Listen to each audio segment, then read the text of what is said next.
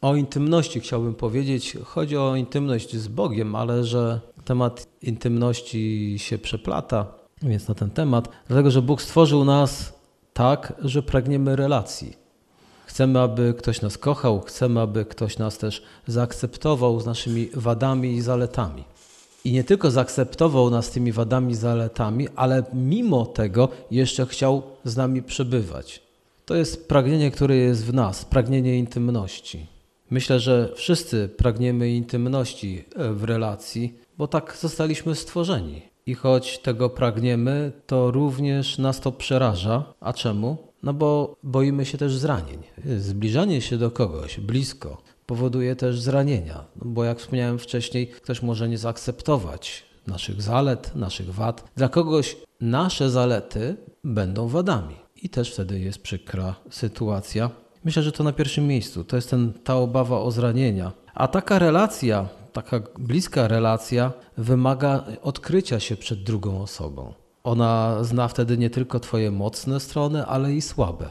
I teraz zaczyna się niebezpieczeństwo, bo jeżeli zna słabe strony, to może to wykorzystać przeciwko Tobie. Może co zrobić? Może Cię zawstydzić, może Cię zranić, a nawet zdradzić. Przecież to już w wojsku, w wywiadzie jest poznawanie słabych stron wroga. Dopóki się przyjaźnimy, słabe strony nie są problemem, ale kiedy ktoś się zdenerwuje albo kiedyś obrazi, może to wszystko, co wie o nas, wykorzystać. I my chyba o tym dobrze wiemy, bo jeżeli nie wy, to na pewno znacie takich, którzy doświadczyli tego. Wydaje mi się, że znamy to nie tylko z filmów, ale z własnego życia. Więc dopuszczenie kogoś tak blisko do siebie to jest to ryzyko. Jest to ryzyko odrzucenia, jest to ryzyko bólu i dlatego unikamy tej bliskości. Chcemy bliskości, a zarazem unikamy. To jest ten jeden z tych dylematów, w którym chce się zjeść ciastko i mieć ciastko. Tego typu. Zostaliśmy stworzeni do relacji, do intymności, a zarazem mamy obawy i często za nimi stoi też doświadczenie, jeśli nie nasze, to na pewno innych, więc dlatego jesteśmy bardzo ostrożni. Ale kiedy stworzył Pan Bóg Adama i Ewę, Księga Rodzaju, drugi rozdział, werset 18, kiedy Pan Bóg stworzył Adama i na niego spojrzał, powiedział: Niedobrze jest człowiekowi, gdy jest sam. Uczynię mu pomoc odpowiednią dla niego. Niedobrze człowiekowi jest, gdy jest sam. Wielokrotnie się to powtarza przy różnych uroczystościach, ale już tutaj widzimy, jak ważna jest relacja, jak ważna jest bliskość, jak ważna jest intymność. Nad intymnością się pracuje, bo ona sama nie przychodzi. A co z bliskością Boga? No i o tym też chcę powiedzieć i przede wszystkim ale to jest inny poziom niż ten bliskości człowieka. Wielu jest wierzących, ale o intymności z Bogiem to nawet nie słyszeli. A jeśli nawet, to kojarzą to z obowiązkiem, że każe ci się mieć jakąś relację z Bogiem, dajcie mi spokój, wystarczy, że uwierzyłem w Jezusa, że się nawróciłem, dałem się ochrzcić, dajcie mi spokój z tą bliskością, z tą relacją z Bogiem. A czemu tak jest? Bo jeśli człowiek ma problemy z drugim człowiekiem, to przecież przenosimy to na relację z Bogiem. Jeżeli mi jest trudno mieć relację z innymi i jeszcze taką bliską relację i taką intymną, w sensie, że mogę się zwierzyć, a on tego nie wykorzysta przeciwko mnie, to ja z człowiekiem mam problem, którego widzę. No to jak ja sobie poradzę z Bogiem, którego w ogóle nie widzę? Ale kiedy czytamy historię o stworzeniu człowieka, to zaraz potem możemy zobaczyć, że Pan Bóg przechadzał się w ogrodzie. Co to oznacza? Albo może dlaczego się przechadzał w ogrodzie? Bo chciał mieć relację z człowiekiem. Bóg tam przebywał. On nie był gdzieś tam, stworzył świat i sobie zniknął. Nawet zauważył, no Adam rzeczywiście sam, będzie mu smutno, to mu stworzę towarzystwo, a teraz ja znikam z życia ludzi. Wielu osobom do dzisiaj wydaje się, że Bóg tak właśnie zrobił. Stworzył świat i zniknął a czytamy tam, że Pan Bóg przechadzał się po ogrodzie. Czyli obraz, Pan Bóg był blisko ludzi. Bóg szukał Adama i Ewy, byli jego stworzeniem i pragnął z nimi spędzać czas. I czytamy tam, to jest Księga Rodzaju, trzeci rozdział, ósmy i dziewiąty werset, pada pytanie, gdzie jesteś? Tam diabeł, znamy tą historię, przekonał e, ludzi do grzechu i zerwania właśnie tej relacji z Bogiem, ten, tej intymnej relacji z Bogiem. Ale Bóg jednak wciąż szuka tej bliskiej relacji z człowiekiem. I widzimy to na przykład w ostatniej księdze. Zobaczcie, to nie jest przypadek, że w pierwszej księdze czytamy, że Pan Bóg szukał Adama i Ewy, bo oni w sposób świadomy zerwali relację z Bogiem, a w ostatniej księdze Biblii, Apokalipsa, trzeci rozdział, werset 20, czytamy, że Jezus mówi: Oto stoję u drzwi i kołaczę. Jeśli ktoś usłyszy głos mój i otworzy drzwi, wstąpię do niego i będę z nim wieczerzał, a on ze mną. Tu nie chodzi o posiłek, bo Pan Jezus był głodny i tak puka, wpuśćcie mnie, bo chciałbym się najeść. A jak się najem, to sobie pójdę. Jest to historia, że Jezus chce być blisko człowieka. Stoję i pukam. Czy Bóg też w raju nie pukał w jakiś sposób? Adamie, Ewo, gdzie jesteście? I oni się tam odezwali. I teraz Jezus, ostatnia księga Biblii, stoi i kołacze i mówi: Jeśli ktoś usłyszy głos mój i otworzy drzwi, to ja tam wstąpię i będę z nim spożywał posiłek, a on ze mną. Nawet jest dodatek, a on ze mną. Nie tylko ja z nim, ale on ze mną, bo do relacji potrzebna jest chęć po obu stronach. I Jezus ma tą chęć wyrażoną w tym fragmencie, bo on czeka, chce, chce mieć z Tobą relację. Ale czy Ty chcesz ze mną? Jeżeli chcesz, to dopuść mnie do siebie. I dzisiaj Bóg również stoi i puka, dopuść mnie do siebie, bo chcę mieć z Tobą relację. Ja będę miał z Tobą relację, a Ty będziesz miał relację ze mną. Więc Bóg zaprasza wciąż nas do tej intymnej relacji z Nim. I jeszcze jeden werset, pierwsza kronik, 16 rozdział, 11 werset. I chciałbym Wam pokazać, jak też ważne przy okazji, to jest dygresja, jest czytanie Biblii w różnych przykładach, dlatego że przekłady niektóre nie oddają treści, sensu. W Biblii Warszawskiej czytamy: Szukajcie Pana i mocy Jego, rozpytujcie się ustawicznie o oblicze Jego. Można było powiedzieć: No, nie rozumiem, prawda? No, rozpytujcie się o oblicze Jego. No to się rozpytuje. O co, o, o co chodzi? Lepiej już z tym tłumaczeniem radzi sobie wydanie Pisma Świętego, tak zwana edycja Świętego Pawła. Szukajcie woli Pana i Jego mocy. Zawsze pragnijcie być w Jego obecności. Zdecydowanie lepiej przekazane to współczesnemu czytelnikowi. A Ewangeliczny Instytut Biblijny tłumaczy: szukajcie Jego bliskości nieprzerwanie. Mamy już zachętę w tylu miejscach, jakże i te najnowsze tłumaczenia polecam, dlatego że archaiczne nie oddają bardzo często naszego już współczesnego języka. Młodzi niekoniecznie zrozumieją, co to jest rozpytywać ustawicznie o oblicze. Ale kiedy usłyszą, szukajcie Bożej bliskości, tak jak niektórzy z nich szukają bliskości dziewczyny, chłopaka, przyjaciela, bo chcą z nim przebywać, to łatwiej będzie zrozumieć. Jak widzimy, ważny temat, ale także jak ważne jest czytanie Biblii przy różnych przykładach. Ortberg, taki dosyć sympatyczny autor, pisze książki dość ciekawe, mniej więcej takie jak Max Lucado, jak ktoś kojarzy autorów. Dzieląc się swoim doświadczeniem o intymności, napisał: Dąsanie może być wspaniałą, choć oczywiście niekonwencjonalną supermocą. Jest ono także zabójcą intymności. Tak przy okazji taka rada, czyli dąsanie jest zabójcą intymności. A czym intymność jest? Często, żeby coś pokazać, dobrze jest powiedzieć, czym coś nie jest.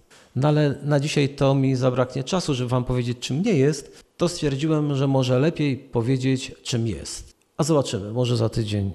Kiedy dzisiaj wielu mówi o intymności, to zaraz jest to w kontekście seksu. Nie można tych słów używać zamiennie.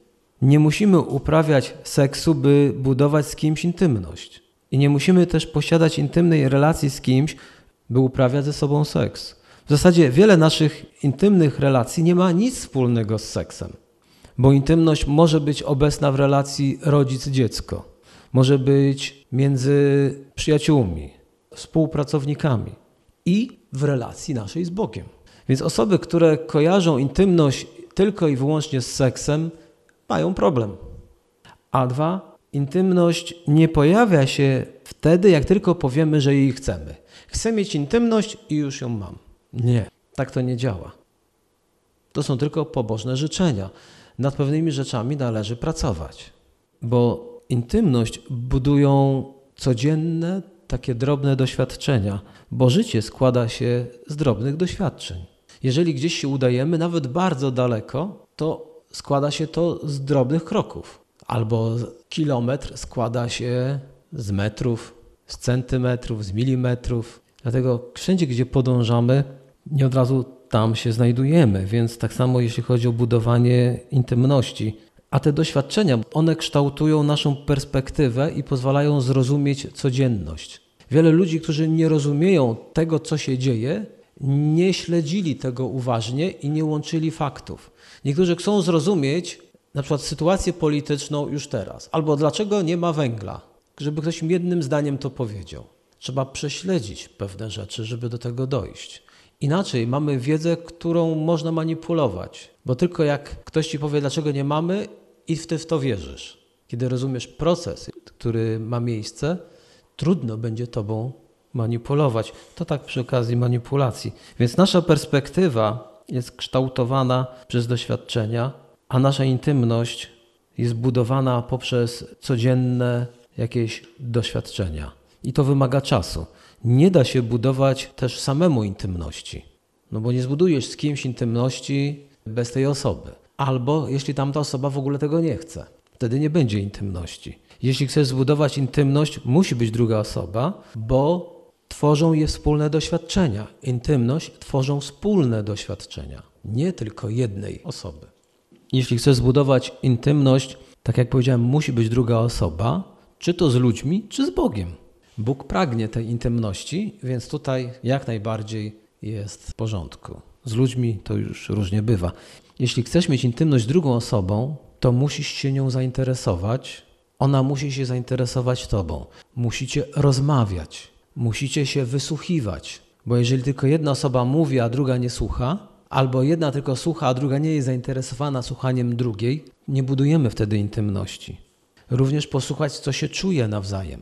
Nie jedna osoba tylko mówi, co czuje, a druga udaje, że słucha, tylko jest to odwzajemnione czyli co czuje, o czym myśli, czego doświadcza. I to musi być aktywne słuchanie. I tutaj Jezus jest dobrym przykładem. Więc aby naprawdę dzielić się ze sobą doświadczeniami, to my musimy być obecni razem, dwie osoby. W tym wypadku ja i ta osoba. To może być człowiek, może być Bóg, ale obie strony muszą być aktywnie zaangażowane i słuchać. W przeciwnym razie nic z tego nie będzie. Jesteśmy tylko wtedy dwiema osobami, które połączył, nie wiem, czas, to samo miejsce, może ta sama praca, może nawet to samo zainteresowanie, ale intymności z tego nie będzie. Bo jeżeli moje ciało jest tutaj, a umysł jest rozproszony, czy wyobrażacie sobie relację z Bogiem, kiedy ty przychodzisz do Boga, a Boże myśli wędrują tam w ogóle po innym kontynencie? Ty do Boga mówisz, a Bóg w tym czasie jest zainteresowany tym, co w Chinach nie ma relacji. I tak samo jak ty do kogoś mówisz, a on w tym momencie właśnie się zastanawia, co będzie jutro robił, nie jest zainteresowany tym, co mówisz. Jego myśli mogą dryfować, co tam na giełdzie, co tam w pracy. Dwoje ludzi może siedzieć razem, mogą nawet razem oglądać film, mogą nawet razem pójść do sklepu, Mało tego, mogą nawet razem pojechać e, na wakacje, jechać rowerem. Nawet mogą, jeśli, jako, jeśli są małżeństwem, stracić dziecko, ale to wcale nie musi wpłynąć na ich intymność, bo to nie musi pogłębiać ich intymności, a tak naprawdę może nawet doprowadzić do rozstania. Znamy przypadki, kiedy to pewne tragedie w rodzinach, właśnie chociażby dziecko umiera, powoduje rozstanie, a nie zbliżenie do siebie. Nie tak dawno spotkałem się z historią, kiedy to kobieta urodziła dziecko niepełnosprawne i jak mężczyzna zobaczył, że to jest dziecko niepełnosprawne, skończyła się relacja, bo zwiał. Więc pewne rzeczy, pewne doświadczenia nie muszą budować intymności. Przybywanie razem ze sobą i robienie wcale nie musi budować intymności. To spójrzmy na Jezusa, bo kiedy patrzymy na Jezusa, to widzimy Jego zdolność bycia obecnym w życiu innych ludzi. I w całej Biblii raczej nie znajdę wzmianki, no nie wiem, może gdzieś coś ominąłem, gdzieby Jezus powiedział do kogoś coś w stylu: Przepraszam, co powiedziałeś? Nie słuchałem, rozpraszała mnie cała ta praca Mesjasza, ten tłum. A czy nam się to nie zdarza? Kiedy nawet nie ma nikogo wokół, nic się nie dzieje. Przepraszam, e, co mówiłeś? Co mówiłaś? Albo jest taki tekst, zresztą bardzo pożyteczny. Powtórz, co mówiłem, mówiłam. A, e... Więc bycie obecnym wymaga wydzielenia czasu i czas jest cenny. Dlaczego? Bo czas jest ograniczonym zasobem. Pieniądze nie. Zawsze możesz zarobić więcej pieniędzy, ale nie możesz dostać więcej czasu. A my bardzo często poświęcamy czas, żeby zarabiać więcej pieniędzy jako społeczeństwo, zaniedbując ten czas na bardzo ważne i istotne rzeczy, chociażby na budowanie relacji, na budowanie intymności. Ale tego czasu nigdy nie odzyskamy. A pieniądze? Zawsze można zarobić więcej przy różnych okazjach. Więc z tego względu właśnie ofiarowanie komuś czasu to jest taki intymny akt, bo to jest coś, czego nie odzyskamy. Bo jak komuś dasz pieniądze, o dam tu komuś tysiąc złotych, tam bieda grzebrze. No to przecież w ciągu jakiegoś czasu możesz nadrobić zaległości z zarabianiem i zwrócić ci się to, zarobisz, stać się na to, żeby komuś dać. Ale jeśli mu poświęcisz czas, żeby porozmawiać, jak ten czas chcesz odzyskać? Przecież doba ma 24 godziny i jej nie rozciągniesz. Najwyżej co? O godzinę skrócisz sobie sen, no bo tą godzinę poświęciłeś rozmowie z tym żebrakiem bezdomnym. Co u niego słychać, jak się czuje, może parę słów otuchy i pokrzepienia. Więc zabieganie o intymność w relacjach jest powiązane z czasem, z zarządzaniem czasem. To czas i obecność składają się na budowanie intymności.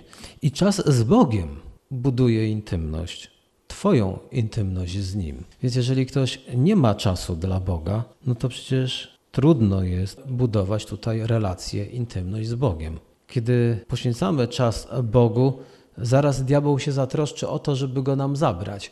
Albo ktoś zadzwoni, albo sobie przypomnimy o tylu ważnych rzeczach. To jest gwarantowane. Ja wiem jedno, jeżeli chcę sobie przypomnieć, co powinienem zrobić, co zapomniałem, to wystarczy, żebym poszedł się pomodlić. Jak się zacznę modlić, czas zrobię, żeby się pomodlić, zaraz sobie przypomnę, co powinienem zrobić, co zapomniałem, co jeszcze gdzieś zagubiłem.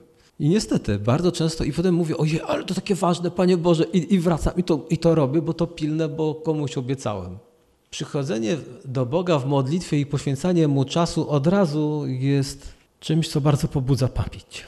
Ewangelia Marka, trzeci rozdział, czternasty werset. Na koniec ta druga połowa może tak. Dzisiejszego mego rozważania to przyjrzyjmy się Panu Jezusowi. Czternasty werset. Ustanowił dwunastu, których nazwał apostołami, aby z nim byli i aby mógł ich wysyłać na głoszenie nauki. Różne tłumaczenia w Piśmie Świętym, ale praktycznie każdy przekład zauważa, aby z nim byli. Jestem przekonany, że wielu czytelników Biblii nie zwróciło uwagi na te słowa, bo znamy to, że Pan Jezus ustanowił dwunastu, nazwał ich apostołami. Wielu czytelników wtedy bardziej się skupia na tym, jak oni mieli na imię, ale jak niewielu zechce zwrócić uwagę na taki zwrot, aby z nim byli. Przyznajcie się szczerze, zwróciliście kiedyś na to szczególną uwagę? Bo wydaje nam się, i tak się często nauczę, że Jezus powołał apostołów, aby ich wysłać i żeby głosili Ewangelię. Ale widzimy, że najpierw, aby z nim byli. I zawsze z nim byli. Na początku, żeby z nim byli fizycznie, ale to nie oznacza, że kiedy Pan Jezus odszedł, aby i oni już odeszli od Pana Jezusa. Po prostu, żeby już zawsze z nim byli. Bo Jezus chce być z człowiekiem. A teraz co na ziemi? Aby spędzali z nim dużo czasu. Razem jedli, podróżowali i Jezus ich uczył. Nie zawsze była to pomoc dla Jezusa, a mimo to poświęcał im czas i uwagę. Dlaczego mówię, że nie zawsze? Bo czasami, i wy to dobrze wiecie, lepiej zrobić coś samemu, niż robić to z kimś. Mieliście takie doświadczenia, że coś w stylu, wiesz co, to ty możesz sobie usiąść, ja już zrobię to samemu. Będzie szybciej, będzie lepiej. Nie mieliście czegoś takiego nigdy w życiu? Kto miał takie doświadczenie? Czyli wiecie o czym mówię. I wielokrotnie Pan Jezus na pewno lepiej by sobie poradził i lepiej by to wszystko wyszło i szybciej, gdyby mu nie towarzyszyli sceptycy, małej wiary, czyli jego uczniowie.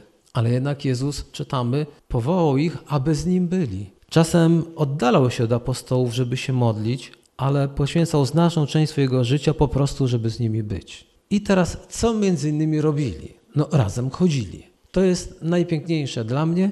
Najczęstszą rzeczą, jaką razem robili, było chodzenie. Dzisiaj też wiele osób, szczególnie zakochanych, co robi? Oni chodzą ze sobą. Czyli jak widzimy, pogłębianie relacji, intymności to jest chodzenie ze sobą. Skąd się to wzięło? I to było pierwsze ich wspólne doświadczenie. Ewangelia Marka, pierwszy rozdział, 16 i 17 werset. Gdy przechodził brzegiem jeziora galilejskiego, zobaczył Szymona i jego brata Andrzeja. Jezus zwrócił się do nich: Chodźcie za mną. Chodźcie ze mną, chodźcie za mną. To było zaproszenie, zaproszenie do intymności. Jezus nie powiedział im, i zwróćcie na to uwagę, od razu powiem uczciwie, na to, co teraz powiem, zwrócił mi uwagę właśnie Ortberg, bo zacząłem czytać jego książkę. Jezus nie powiedział, bądźcie mi posłuszni, pisze Ortberg, choć posłuszeństwo jest składową pójścia za nim. Prawda? Jezus powiedział, pójdźcie za mną. Nie powiedział, bądźcie mi posłuszni. I oni już poszli za Jezusem i są mu posłuszni. Ale też nie powiedział coś takiego, wierzcie we właściwe rzeczy na mój temat. Znaczy, wierzcie w te rzeczy, te słuszne na mój temat. To też jest częścią pójścia za Jezusem, żeby wierzyć w prawdę o Jezusie Chrystusie. Ale Jezus powiedział im: pójdźcie za mną. Jezus też nie powiedział im: służcie mi, albo odtąd służyć mi będziecie, chodźcie za mną. Nawet w tej kolejności. Nie, powiedział: pójdźcie za mną, choć służenie Jezusowi jest częścią pójścia za nim. Więc wspólne chodzenie, nawet było to obecne, jeśli dobrze teraz pamiętacie, że kiedy Jezus zmartwychwstał, to nadal chodził, bo do Emaus wybrał się też z paroma osobami. I to w drodze wyjaśniał im pewne rzeczy. Znowu jest chodzenie. Chodzenie odgrywa ogromne znaczenie, jak widzimy. Wspólne chodzenie. Pójście na przechadzkę jest proste, bo nie wymaga nakładów finansowych. A co oznacza? Idziesz z kimś, poświęcasz mu czas. Jesteś z nim razem w tej drodze. Nawet jeżeli nie chodzi o dosłowność, to jesteś z nim razem w tej drodze.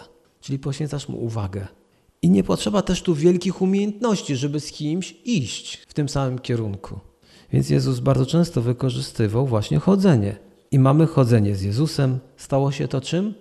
określeniem chrześcijan. A wiecie, że później nazwano chrześcijan, że stali się uczniami drogi? Powiązano ich z chodzeniem, z drogą. A Jezus sam o sobie też powiedział: Ja jestem drogą, więc zaprasza do chodzenia ze sobą. Co jeszcze robili razem? Jedli. Kolejna bardzo prosta rzecz. Każdy musi jeść. Nie trzeba do tego jakichś szczególnych kompetencji. No ja wiem, że są pewne szkoły, gdzie się uczy ludzi posługiwać 13 łyżeczkami przy obiedzie i tam 16 widelczykami, żeby sobie poradzili, no bo nie wypada z tej strony, z tej, a może to z tamtej, a może to ten, a może to tamten. Niektórzy oczywiście doprowadzili to do skrajności, ale każdy musi jeść i nie potrzeba do tego szczególnych kompetencji ani też powiem wielu pieniędzy. Nawet teraz, w takim kryzysie, znajdzie się jedzenie, które nie będzie wymagało majątku. I kiedy Jezus nie był akurat na przechadzce z ludźmi, to zasiadał z nimi do jedzenia.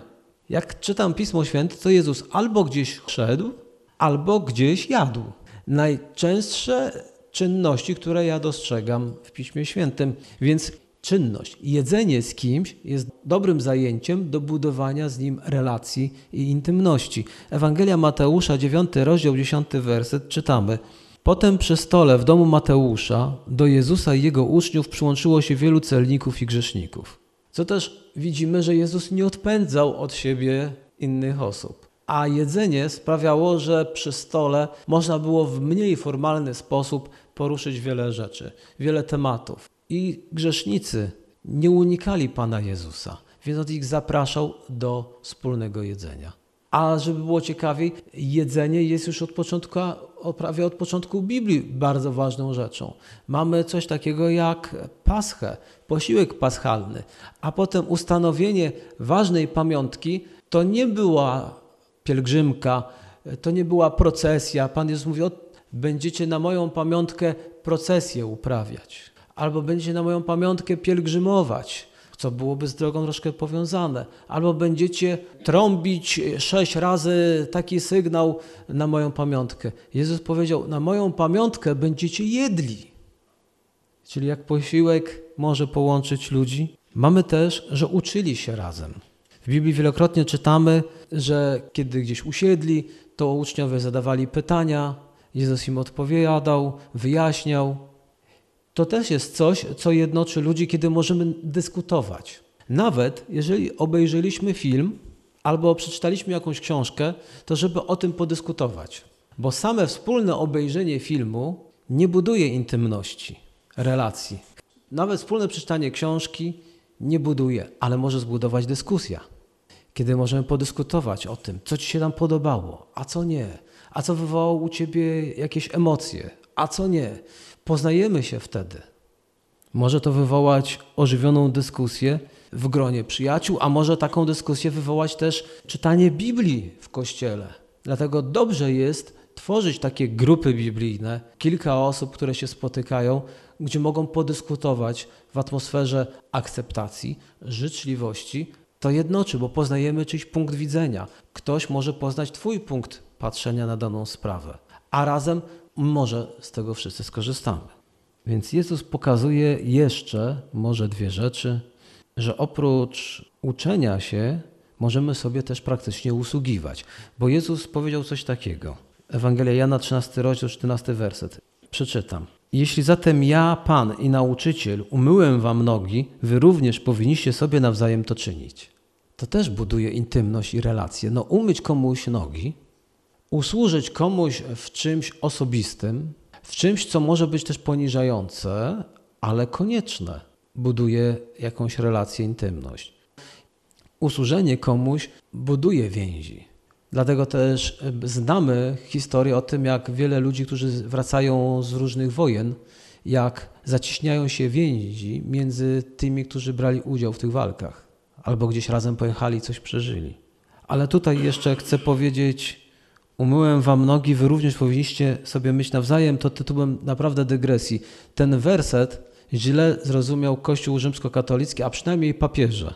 Dlatego, że Jezus mówi wy między sobą, to do uczniów są słowa, a papieże zaczęli zapraszać niewierzących, którym publicznie umywają nogi i nawet muzułmanów i jeszcze innych. To nie jest jakiś gest pokazowy, że jesteśmy pokorni i ulegli wobec innych. To jest gest całkowicie tutaj symboliczny, bo nie chodzi o to, żebyśmy myli nogi, a potem tą osobę obgadali, tylko chodzi o to, że nawzajem uczniowie sobie powinni usługiwać. Nawet w takich rzeczach, które wcale nie są chlubne, bo umycie tych nóg należało do służby, a nie do siebie nawzajem. Więc to jest tak, że ty wykonasz coś dla kogoś, coś, co może nie jest na Twoim poziomie, coś, co może trochę być poniżające, ale potrzebne tamtej osobie. Więc patrzysz na potrzebę tego brata, siostry w Chrystusie, a nie na to, jak ty się będziesz czuł, że to cię poniża. Bo jak ty możesz mu z pośladka wyjąć tę pineskę, która mu tam weszła, a on się boi, nie wie co tam siedzi, albo gwóźdź i oglądać czyjś pośladek. To jest uwłaczające. No to jeszcze o pływaniu mogę powiedzieć. Zauważyliście, że też pływali razem łodzią i odpoczywali. Ewangelia Marka, 6 rozdział, 32 werset. Odpłynęli więc łodzią na odludzie, aby pobyć w samotności. Czyli też popłynęli, ale aby pobyć ze sobą. Ewangelia Marka, 9 rozdział, drugi werset. Jezus wziął ze sobą Piotra, Jakuba oraz Jana i tylko z nimi samymi wszedł na wysoką górę z dala od ludzi. Czyli Jezus też zabierał innych, aby byli z Nim razem w ważnych chwilach. Nie wszystkich, no bo trudno budować relacje w tłumie. A ponieważ Bóg zawsze jest obecny, to intymność z Nim jest możliwa w każdej chwili naszego życia, bo On jest tu, teraz. Musimy tylko my zdecydować się, aby poświęcić Mu czas. Jeśli potrzebujesz pomocy, to powiedz Mu o tym, a potem skup swoją uwagę i spodziewaj się, że Pan Bóg będzie mówił, interweniował, da Ci mądrość. A kiedy jesteś radosny, to podziękuj Panu Bogu za to. To buduje właśnie intymność i relacje, Kiedy jesteś za coś wdzięczny, wdzięczna Bogu, okaż to Jemu. Kiedy dostrzegasz jakieś piękno Bożego stworzenia, podziękuj Mu za to. To właśnie te chwile budują relację i intymność. Ludzie, którzy pragną związać się z Bogiem, mają zdolność do odnajdywania Go w przeróżnych sytuacjach. To nie jest tak, jak wielu myśli, uwierzyłem w Boga i Pan Bóg mówi, co mam robić, to robię. Nie, wtedy jesteś po prostu zwykłym sługą i albo niewolnikiem. Pan kazał, sługa zrobił. I wtedy mówisz, daj mi Panie Boże święty spokój, swoje zrobiłem. No tak, wielu wierzących do tego tak podchodzi. Ja swoje zrobiłem. Oddałem dziesięcinę, byłem na nabożeństwie, daj mi Panie Boże spokój, ja już mam swoje zrobione. Ale są też takie osoby, które budują relacje z Bogiem. Nie na zasadzie niewolnika, no bo jak to wygląda? To też jest w Biblii historia. Jeżeli ktoś usłużył, możesz powiedzieć, przygotowałeś jedzenie, możesz sługo odejść. I teraz sobie jesz sam. Ale Pan Jezus tak nie podchodzi do nas. Zrobiłeś swoje, możesz już spadać. Możesz odejść. Nie chcę Cię widzieć. Jak będę Cię potrzebować, to Cię znowu zawołam. Czy nie tak? Jak myślicie, czy nie wydaje się wielu ludziom, że tak na tym polega życie z Bogiem? Że Pan Jezus woła i Ty to robisz, a potem odchodzisz, bo Pan Jezus już mówi: Możesz już odejść, nie chcę Cię widzieć, swoje zrobiłeś, będę Cię potrzebować, to Cię zawołam. Ale Jezus w Biblii nazwał nas, ludzi wierzących, trzeba to podkreślić, przyjaciółmi. To tak się nie postępuje z przyjaciółmi. Więc jak powiedziałem, ludzie, którzy pragną związać się z Bogiem, mają zdolność odnajdywania Go w różnych miejscach, w różnych sytuacjach. I czytałem kiedyś książkę o bratu Wawrzyńcu. To taki prawdopodobnie XVII-wieczny zakonnik. Piękna, niesamowita książka. I on napisał coś takiego. W trakcie mojej pracy nieprzerwanie mówiłem do Pana, tak, jakby był tuż przy mnie, ofiarując mu swoje usługi i dziękując za jego wsparcie zaś na koniec pracy sprawdzałem ją dokładnie. Jeśli znalazłem w niej dobro, dziękowałem Bogu. Jeśli zauważyłem wady, prosiłem Go o wybaczenie bez zniechęcenia, po czym przystępowałem znowu do pracy, wciąż przybywając z Nim. Ten człowiek, przeczytałem jego książkę i tak naprawdę byłem mocno wzruszony i zachęcony. On wszędzie chciał widzieć Boga. To, co robił, oddawał Bogu. Oddawał Mu chwałę wszystkim, co robił, jak postępował. Bóg mógł kochać nas na dystans. Tak jak powiedziałem, zostawić nas i kochać Pan Bóg gdzieś tam i powiedział, tak, Bóg kocha świat, ale świat niech się sam o siebie troszczy i martwi. Ale jednak Bóg pragnie mieć w tym udział, bo chce z nami mieć relację i tą intymność, do czego nas Pan Bóg zachęca, Ciebie i mnie. Amen.